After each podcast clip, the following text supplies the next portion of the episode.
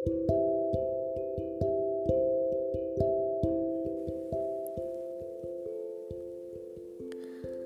merasa nggak cukup, bahkan untuk diri sendiri pun terasa selalu penuh kekurangan.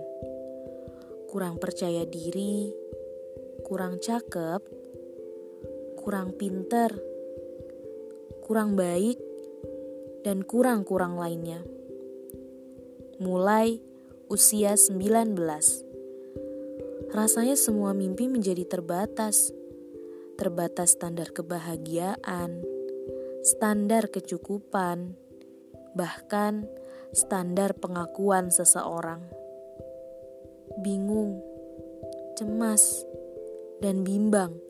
Semuanya berjalan tak berimbang. Masuk usia 20.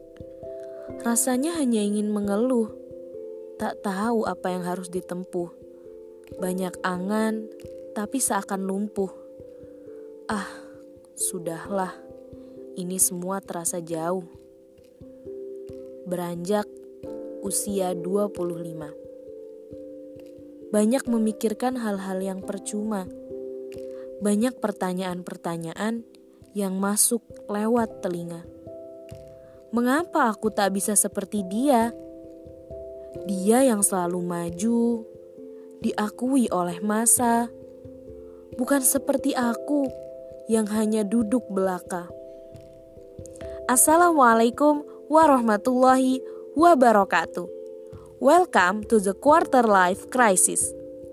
Fase di mana yang membawa seseorang akan selalu cemas, bingung, dan bimbang akan masa depannya.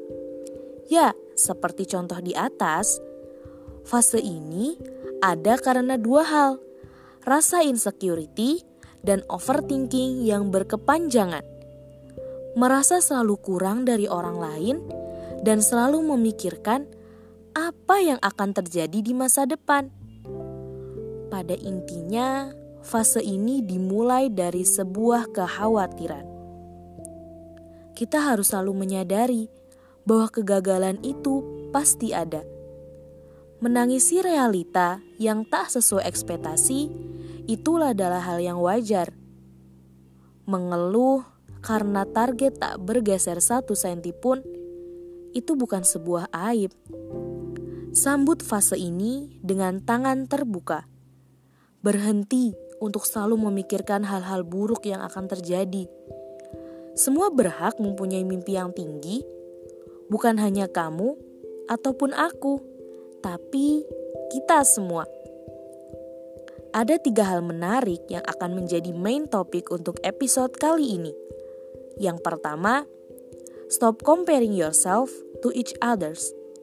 Semua orang memiliki kelebihan, standar kesuksesan, kecantikan, kebahagiaan tidak bisa diukur dengan satu sudut pandang saja. Lakukan yang terbaik yang kamu bisa and do it now. Yang kedua, challenging ourselves. Keluar dari zona nyaman. Keluarlah dari sempitnya kamarmu. Bersiaplah untuk menghadapi semua ini.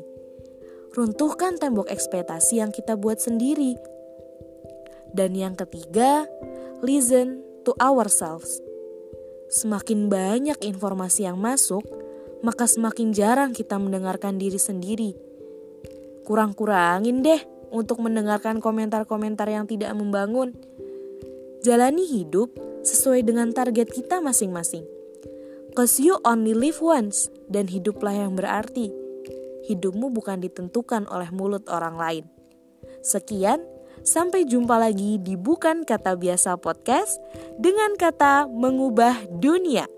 Stay tune terus, jangan lupa jaga kesehatan, dan wassalamualaikum warahmatullahi wabarakatuh.